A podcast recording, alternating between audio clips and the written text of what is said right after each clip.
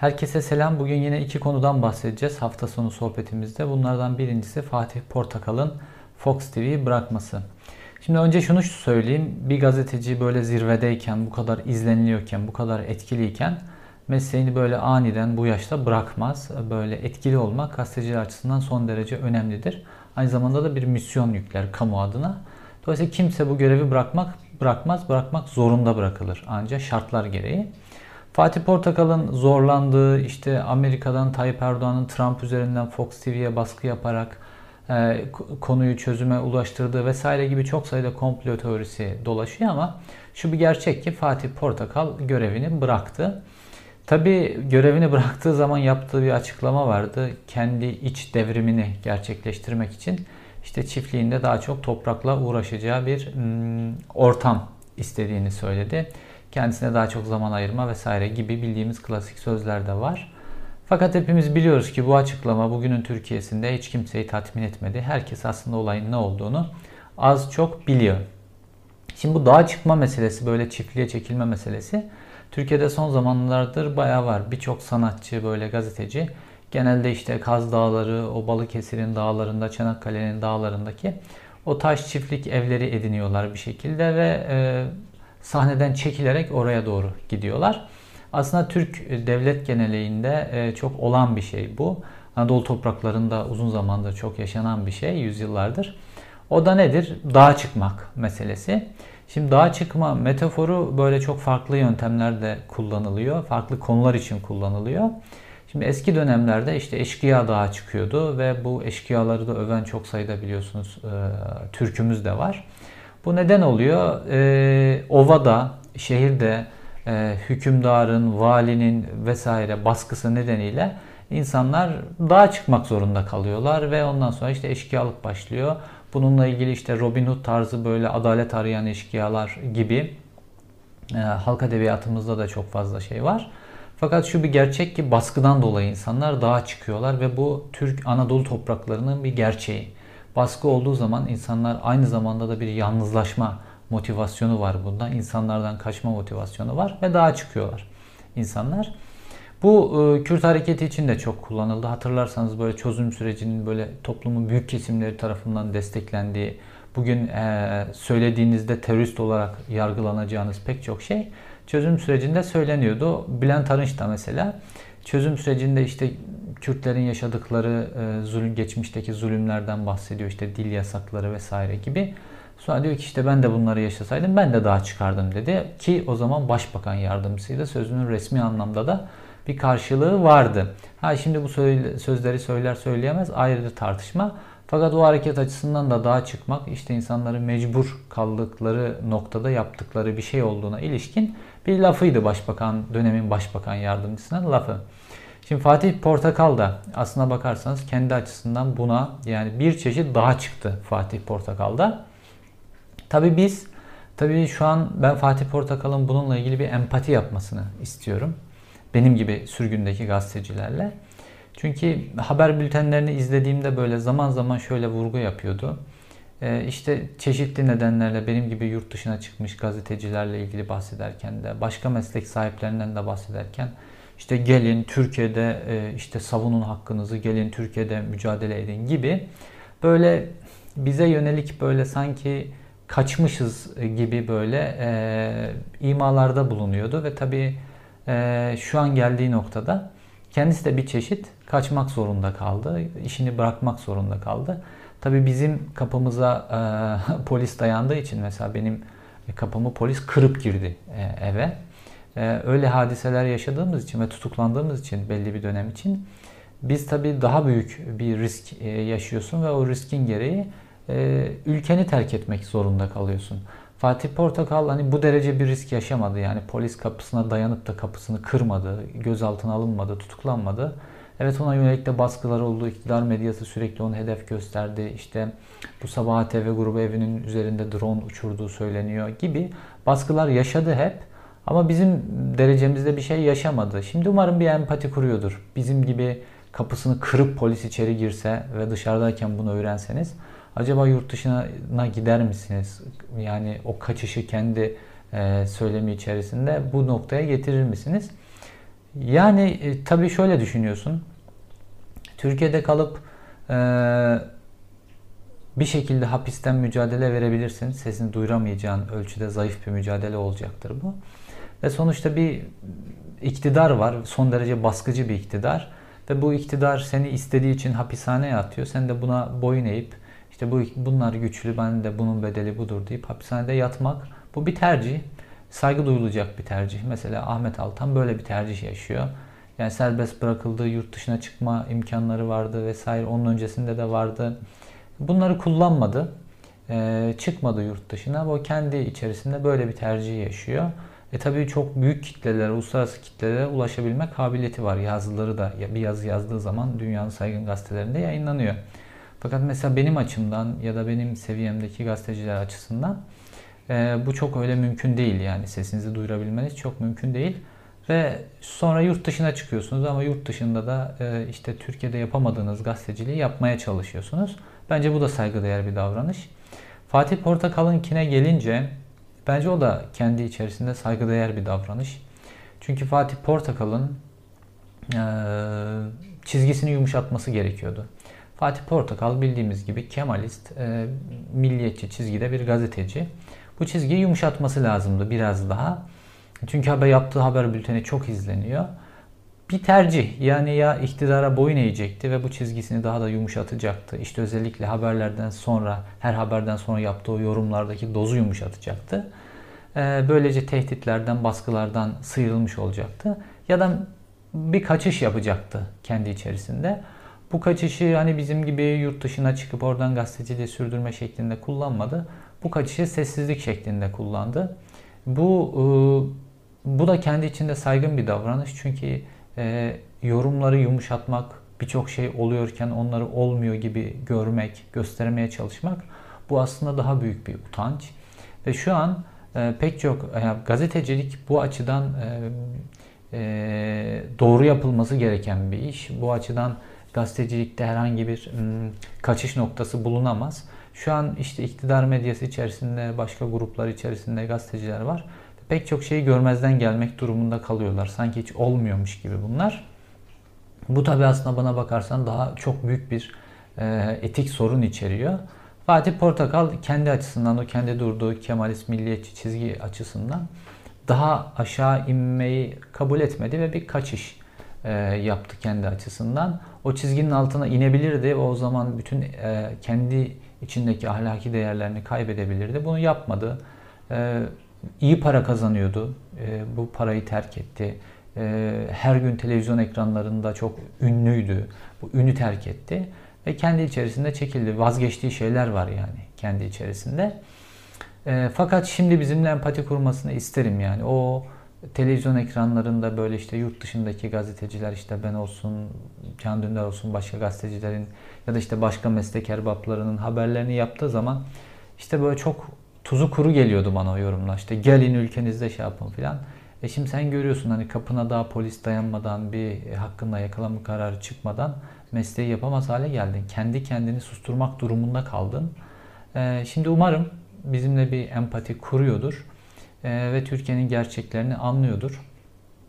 Tabii Fatih Portakal'ın çizgisinde bir etkililik vardı ama onun gibi mesela Sözcü gazetesi e, diz çöktü. Yani Sözcü gazetesinin bu açıdan son derece büyük bir ahlaki ve vicdani sorumluluğu var. Sözcü gazetesi muhalefetini öyle bir noktaya çekti ki böyle tam Kemalist, koyu Kemalist bir çizgiye çekti. Cumhuriyet gazetesinin olduğu gibi. Bu çizgi Tayyip Erdoğan'ı hiçbir zaman rahatsız etmez. Tayyip Erdoğan istediği muhalefet budur. CHP'den istediği muhalefet de budur. Sadece Kemalist, sadece laiklik e, üzerinden söylemler üreten bir muhalefet istiyor Tayyip Erdoğan. Ve Sözcü gazetesi kendini bu noktaya çekti. İşte bütün o yolsuzluklar, Türkiye'deki ağır insan hakları, ihlalleri, işkenceler hiç yokmuş gibi davranıyor Sözcü gazetesi. Bu Kemalist çizgide Tayyip Erdoğan hiçbir zaman rahatsız etmez. Çünkü Sözcü'yü korkuttu. Bir iki dava açtı Sözcü hakkında ve Sözcü istediği, istenilen noktaya geldi. Ondan sonra davalar da kendiliğinden çözüldü. Şimdi alan memnun, veren memnun çizgisinde Sözcü gazetesine kimse dokunmaz artık bu saatten sonra. Ee, öyle haklarında davalar da açılmaz. Onlar öyle yollarına, o muhalefet çizgisini rahatsız etmeyen, kabul edilen makul muhalefet çizgisinde yollarına devam ederler. Zira Cumhuriyet Gazetesi de böyle oldu. İşte Can Dündarıların olduğu dönemler üst üste davalar açılıyor. Murat Sabuncu'nun olduğu dönemler üst üste davalar açılıyor. Tutuklanıyorlar. Acayip baskı var. Çünkü etkili Tayyip Erdoğan'ı rahatsız eden muhalefet yapıyorlar. Yani o baskı sistemini, otoriter sistemi rahatsız eden muhalefet yapıyorlardı. Şimdi işte Mine Kırık Kanatların o koyu Kemalist, laiklikten başka bir e, söylem, muhalefet üretmeyen Cumhuriyet Gazetesi şu an iktidarı hiç rahatsız etmiyor. Varlığını 100 yıl sürdürebilir bu iktidarın içerisinde. Çünkü Tayyip Erdoğan da aynı zamanda meşrulaştıran bir şey. İşte bir muhalefet var mı? İşte var bir muhalefet. Şu anki e, muhalefet partileri gibi var bir muhalefet ama ne yapıyor? Hiçbir şey. Aynı şekilde e, muhalif liderlerden de işte Selahattin Demirtaş Tayyip Erdoğan'ı rahatsız eden bir muhalefet üretiyordu. Yani İslamcı olanlar da oy verebiliyordu. Hatta milliyetçiler bile oy verdiler enteresan biçimde. Ee, Selahattin Demirtaş'a toplumun sağcısından solcusuna Kürt, Türk farklı kesimlerden oy alabiliyordu. Çünkü toplumun gerçek sorunlarıyla ilgili bir şeyler söylüyordu en azından. İşte bu Tayyip Erdoğan'ı rahatsız etti. O yüzden Selahattin Demirtaş şimdi içeride diğer muhalefet liderleriyle ilgili hiçbir şey olmuyor. Etkili muhalefet yaparsanız sonunuz bu olur. Türkiye'nin hikayesi budur şu anda. Umarım Fatih Portakal e, bizimle artık e, yani ülkeyi terk etmek zorunda kalmış ve buradan e, gazetecilik yapmaya çalışan gazetecilerle artık hiç olmazsa bir empati kuruyordur. Umarım kendi öz eleştirisini de kendi içerisinde, muhasebeyi kendi içerisinde yapar. İkinci konumuz bu KHK'lılara son dönemlerde artan operasyonlar. Biliyorsunuz KHK ile insanlar ihraç edildiğinde böyle 10 bin, 20 bin, 30 bin, 50 bin, 100 bin İlk önce böyle KHK'lıyım demeye bile çekiniyordu insanlar. Ve bu KHK'lıyım demeyi meşru hale getirmek için bazı eylemler yapıldı. Bunlar işte bildiğimiz işte Nuriye Gülmen'in e, başlattığı oturma eylemi, Yüksel Caddesi'nde her gün basın açıklaması yapma eylemiyle birlikte birisi sokaklarda bir tane kızcağız sokaklarda ben KHK'lıyım diye bağırıyordu. Ve sonra onların işte açlık grevine varan eylemleri oldu ve KHK'lı kelimesini meşrulaştıran KHK'lı kelimesini söylemekten, KHK'lılar için söylemekten e, çekinmeyecekleri bir ortam oluşturdular ve mücadeleyi kendi açılarından büyüttüler. Sonra onların böyle sokaklarda bir şey anlatma mücadelesi farklı isimlere de, farklı kesimlerden isimlere de yansıdı. Onlar da kendi dertlerini sokakta anlatmaya çalıştılar. Ve böylece bu söylemi e, kamuoyuna yaymak, bunun ayıp olmadığını, bunun suç olmadığını kamuoyuna anlatmak için yollar buldular. Son dönemde üst üste operasyonlar oldu. Bu yöntemi kullanan önce Melek Çetinkaya, sonra Nuriye Gülmen, sonra Acun Karada bunların hepsini tek tek gözaltına aldılar ve tutukladılar, hapse gönderdiler. İşte bunları bunu Türkiye'nin hazırlanmakta olduğu yeni fazla birlikte açıklanması gerektiğini düşünüyorum ben. O da nedir? İşte bu Ayasofya ve Kariye Camisi ile başlayan süreç. Yani bunların oy getirmeyeceğini, Tayyip Erdoğan'ın şöyle bir mantığı vardır. Her atacağı büyük adımdan önce anketini yaptırır bunu ve çok böyle bağımsız anket ve onun sonucunu görür ona göre adım atar. Eğer sonucu çok büyük e, oy değişikliğine yol açacak bir şeyse onu genelde seçimden hemen çok kısa süre önce yapar. Şimdi hani bir seçim yokken Ayasofya'yı böyle yapması ve Kariye Camii'nin peşinden e, camiye, işte Kariye Müzesi'ni camiye çevirmesi, Ayasofya'yı camiye çevirmesi ee, anlaşılan o ki Tayyip Erdoğan bunun anketlerdeki e, incelemesini yapmış. Onu görmüş. Anketlerde bir sonuç getirmiyor. Ve zaten Metropol'de açıkladı. Şu an tamamen sıfırlanmış durumda Ayasofya'nın etkisi. %3 bir etki yapmıştı. O da sıfırlandı şu anda diyor. Tayyip Erdoğan bunu bir plan için yapıyor. Bir önceki videomda da açıklamıştım. Artık böyle hmm, rejimi değiştireceği, böyle hilafet gibi bir sisteme geçebileceği bir adım için yapıyor. Başka bir faz için yapıyor Tayyip Erdoğan. Ve bu fazla böyle herhangi bir biçimde bir muhalefete de yeri yok bu fazla. Özellikle bu sokaktaki muhalefetin susturulması gerekiyordu. İşte bunu bu çerçevede bu Nuriye Gülmenler vesaire hepsi e, gözaltına aldılar. Onun gibi sokaklara çıkıp bir şeyler anlatmaya çalışan herkesi tutukladılar. Ve e, Fox TV'nin üzerindeki baskının da arttırılmasının sebeplerinden bir tanesi de bu. Ki oraya hani Selçuk Tepeli gibi bir isim getirildi. Biz Selçuk Tepe'yi biliyoruz. Hani Selçuk Tepeli AKP'li bir isim değil evet ama e, işte AKP'ye karşı ancak sözcü çizgisinde böyle e, yumuşak Kemalist bir çizgide e, yayıncılık yapar. E, Tayyip Erdoğan'ı hiçbir biçimde rahatsız etmez ki Selçuk Tepeli'nin yönettiği medya gruplarının hiçbiri, medya organlarının hiçbiri Tayyip Erdoğan'ı hiçbir biçimde rahatsız etmedi bugüne kadar. Anlaşılan o ki bu KHK'lara yönelik operasyonlar geçen günlerde de eski bir zannedersem Merkez Partisi lideri miydi Abdurrahman Karslı. O da böyle işte KHK TV vesaire bunları hedef yapan, iktidarın önüne böyle yem yapan söylemlerde bulundu. Anlaşılan o ki işte bu bunlara yönelik de bir baskı kurulmaya çalışılıyor. İşte YouTube ile ilgili yasanın değiştirilmesi, sosyal medya ile ilgili yasanın değiştirilmesi. Anlaşılan o ki işte bizim gibi farklı kesimlerin de sesini o gün geldiğinde tamamen YouTube'un, Twitter'ın şarteline inebilecek yasa değişikliği yapılması bunların hepsi işte bu bütün bir planın parçaları. Başka bir faza geçilecek. Bu faz için yol temizliği yapılıyor şu anda.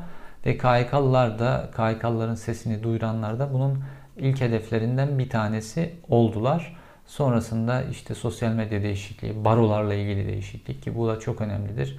Biliyorsunuz seçimlerde barolar çok etkilidir. Yüksek Seçim Kurulu'nda görevlendirecek avukatlar vesaire. Şimdi yeni barolar kuruluyor. Özellikle İstanbul, Ankara, İzmir, Antalya gibi oy deposu illerde yeni baroların başvuruları yapıldı. Bu seçim kurulunda savcılıklar hangi barodan eleman isteyecekler? Bu son derece önemli olacak. Aynı zamanda işte bu ağır insan hakları ihlallerinde filan barolar doğrudan devreye giriyorlardı ve avukat gönderiyorlardı, heyetler gönderiyorlardı ve raporlar yayınlıyorlardı. Burada bu raporlar suç duyurusuna dönüşüyordu sonra. Şimdi anlaşılan o ki bu yeni barolar tam o raporların tersi raporlar hazırlayacaklar büyük olaylarda. Ve mahkemelerde muhtemelen o baroların, iktidarın barolarının söylemlerini dikkate alacaklar. Ayrıca mahkemeler e, avukata göre karar vermeye başlayacaktır muhtemelen. Ve mahkemelerin iktidara yakın barolardan gelen avukatların daha çok lehine karar verildiği göründüğünde mağdurlar işte yolu mahkemeye düşmüş insanlar da bu işte AKP'li, MHP'li baroları tercih edeceklerdir. Dolayısıyla yargının işte savcı ayağı, hakim ayağı, yargıtay ayağı ele geçirildikten sonra savunma ayağı kalmıştı. İşte savunma ayağına yönelik de bu operasyon yapılmış olacak ve bu barolar yöntemiyle savunmada sarı baroya çevrilecek. Tabi bir diğer kısım da işte avukatlara yönelik baskılar. Şu an Türkiye'de 500 tane avukat siyasi nedenlerle tutuklu. Ee, son dönemlerde işte Çağdaş Avukatlar'a yönelik Çağdaş Avukatlar Derneği'ne yönelik operasyonlar başlamıştı. Daha önce Halkın Hukuk Bürosu kapatılmıştı. Böyle sert muhalif avukatlar, özellikle insan hakları ihlalleri konusunda sert muhalif olan avukatlar da susturuluyor. Bunlara 10 yıl filan cezalar veriliyor, ağır cezalar veriliyor. İşte bu avukatlardan biri Ebru Timtik geçtiğimiz günlerde 200 küsür günlük açlık grevinin, 238 günlük açlık grevinin sonunda hayatını kaybetti. Yani avukatların böyle adil yargılanma talebiyle açlık grevine gittiği bir ülke Türkiye'nin yargı sisteminde ne durumda olduğunu herkese artık tartışma götürmez biçimde kanıtlamış oluyor. Tüm bunlar, e, tüm bu değişiklikler, tüm bu adımlar ve tüm bu hızlanan operasyonlar bize e, Tayyip Erdoğan'ın e, ve iktidar ortağı MHP'nin Türkiye yeni bir faza geçirmeye hazırlandığını gösteriyor. İzlediğiniz için teşekkür ederim. Bir sonraki videoda görüşmek üzere.